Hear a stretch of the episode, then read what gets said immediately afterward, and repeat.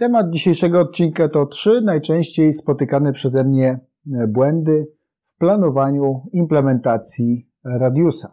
Pierwszy najczęściej spotykany problem, jaki widzę, to brak e, pełnego obrazka, jakby e, dana firma chciała zabezpieczyć swoje zasoby IT. Te rozwiązania radiusowe są elementem takiej szerszej historii, czyli jeżeli masz pomysł, że wdrożyłbyś taki system u siebie w firmie, to warto się zastanowić, czy już macie politykę bezpieczeństwa. Bo jeżeli macie, to super, bo te elementy narzędziowe dotyczące bezpieczeństwa informacji, ograniczenia dostępu, czyli na przykład segmentacji poszczególnych użytkowników, są tylko implementacją tego, co zostało założone w polityce bezpieczeństwa. Więc pierwszy, taki najczęściej spotykany błąd, brak tej polityki bezpieczeństwa jako całego obrazka zabezpieczenia informacji i dbania o bezpieczeństwo e, informatyczne w firmie, a narzędziowe zastosowanie poszczególnych obszarów, między innymi e, obszar Radiusa,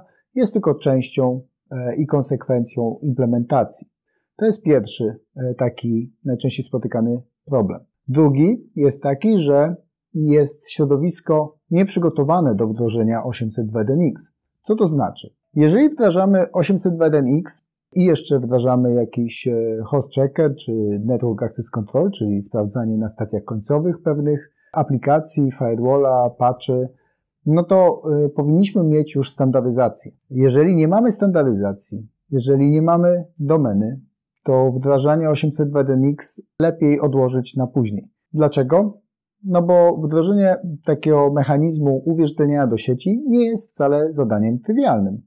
E, takie projekty, które widzę, najczęściej trwają od 3 do 9 miesięcy i ta długość wdrażania zależy od kilku czynników, ale przede wszystkim od przygotowania, czyli tego, co, żebyśmy wiedzieli, co chcemy zrobić.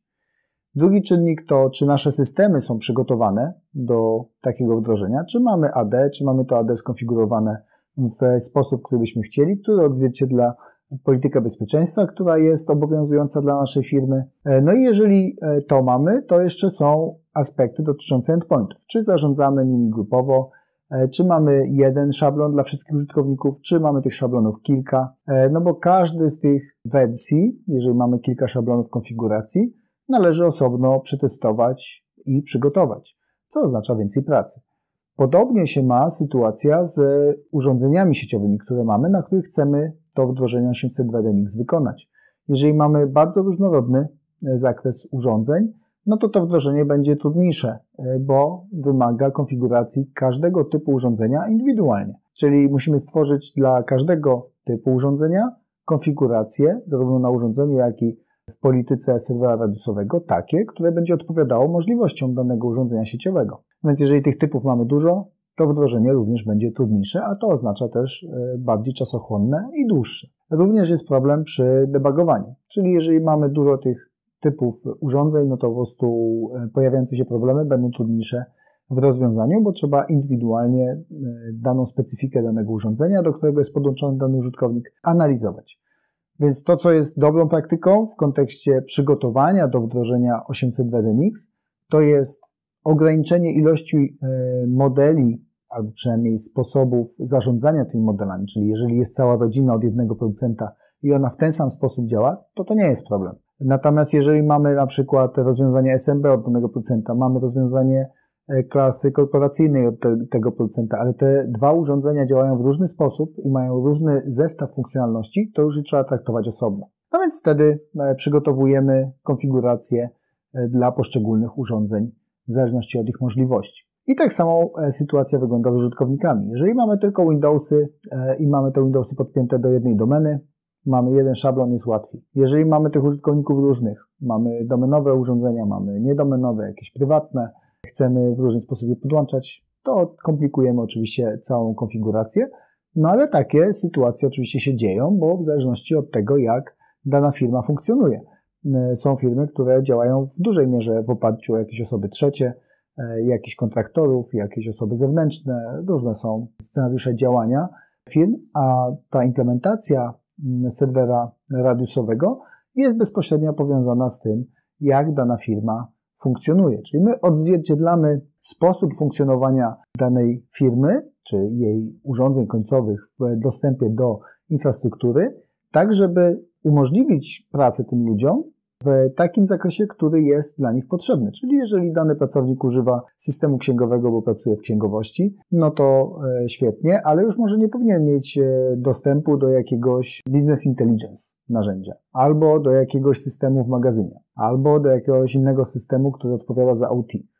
Czyli musimy najpierw zrozumieć, planując takie wdrożenie, e, i to powinno wynikać z polityki bezpieczeństwa, jakie elementy są zidentyfikowane jako krytyczne, jak będziemy stosować ograniczenia do tych y, elementów krytycznych, kto ma mieć do nich dostęp, jak będziemy te osoby rozróżniać? I bazując na tej wiedzy możemy implementować. Jeżeli będziemy rozpoczynać implementację bez tej wiedzy, no to będziemy mieli problem pod tytułem odkrywania poszczególnych e, kroków e, w poszczególnych etapach realizacji wdrożenia co jest oczywiście mniej korzystne, no bo wtedy reaktywnie działamy i odpowiadamy na pewne potrzeby i musimy te odpowiedzi znaleźć, ale one już niekoniecznie muszą tworzyć spójną całość w kontekście e, całego podejścia danej firmy do bezpieczeństwa. A to już jest element niezgodny z najlepszymi praktykami i rodzi pewne ryzyka, że gdzieś pomiędzy podejmowaniem decyzji o poszczególnych krokach będzie po prostu luka w koncepcji bezpieczeństwa. No i na koniec e, trzeci element, czyli mamy już tutaj e, politykę bezpieczeństwa przygotowaną, mamy już tutaj błąd e, związany najczęściej z nieprzygotowaniem takim koncepcyjnym do realizacji wdrożenia. No i trzeci, najbardziej typowy że błąd, który ja spotykam przy tych wdrożeniach, to to, że nie ma jasnych kryteriów, co jest zakończeniem tego projektu, czyli wiemy, gdzie startujemy, wiemy, co chcemy osiągnąć, ale powinien być też zdefiniowany cel końcowy, czyli kiedy uznamy, że dane wdrożenie jest satysfakcjonujące, czyli że dokonaliśmy tego wdrożenia w takim zakresie, jaki planowaliśmy.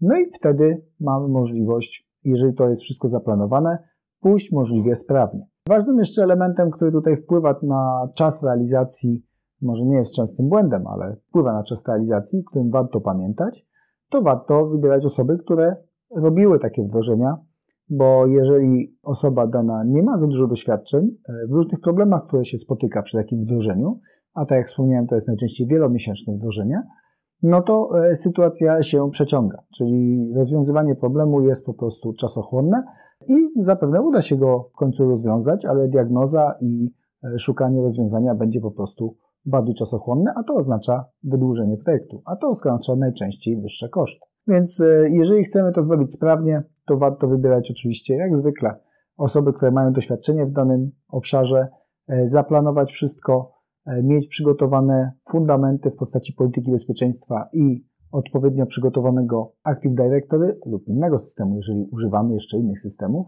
w zależności od potrzeby.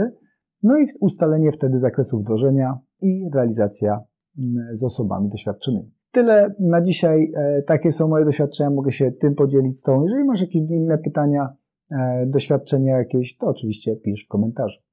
Na dzisiaj to tyle i do usłyszenia w kolejnym odcinku.